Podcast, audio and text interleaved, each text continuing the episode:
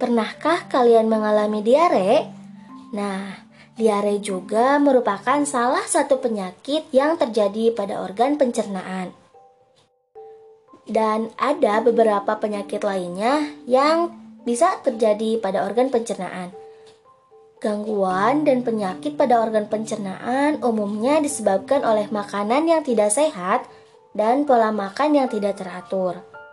Apa saja ya kira-kira? Nah, yang pertama adalah diare. Seseorang yang terkena diare mengalami buang air besar yang lebih sering dan encer dari biasanya. Walaupun termasuk penyakit ringan, tapi apabila tidak mendapatkan perawatan yang benar, diare bisa jadi bahaya juga loh. Diare dapat disebabkan oleh beberapa faktor. Bisa karena mutu dan kebersihan makanan yang buruk, alergi terhadap makanan, atau terlalu banyak makan makanan yang asam dan pedas. Diare juga menjadi salah satu gejala dari penyakit seperti malaria, campak, cacingan, dan infeksi usus.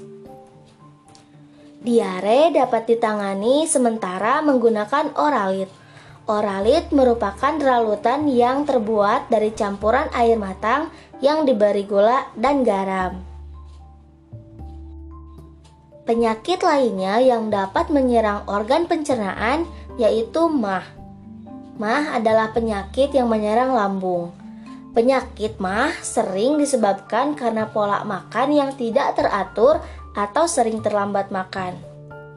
Penyakit mah memiliki gejala seperti perut terasa perih dan mulas jika terlambat makan. Saat makan pun terasa sakit, kadang terasa mual dan muntah. Penyakit mah terjadi karena produksi asam klorida yang berlebihan di lambung. Tingginya kadar asam lambung dapat disebabkan oleh makanan yang terlalu asam atau pedas, kopi, maupun alkohol. Jadi, kalian harus menjaga pola makan dan asupan makanan juga ya, agar tidak terkena penyakit mah. Nah, penyakit organ pencernaan selanjutnya adalah penyakit yang cukup serius, yaitu radang usus buntu. Radang usus buntu adalah penyakit yang disebabkan oleh menumpuknya kotoran di usus buntu, yaitu di bagian umbai cacing, sehingga menyempit. Peradangan juga dapat disebabkan oleh infeksi kuman pada umbai cacing. Gejala yang timbul antara lain perut terasa mual, disertai muntah, kadang mencret, tubuh mengalami demam, Perut bagian kanan bawah merasa nyeri dan akan semakin parah ketika terjadi penekanan atau guncangan.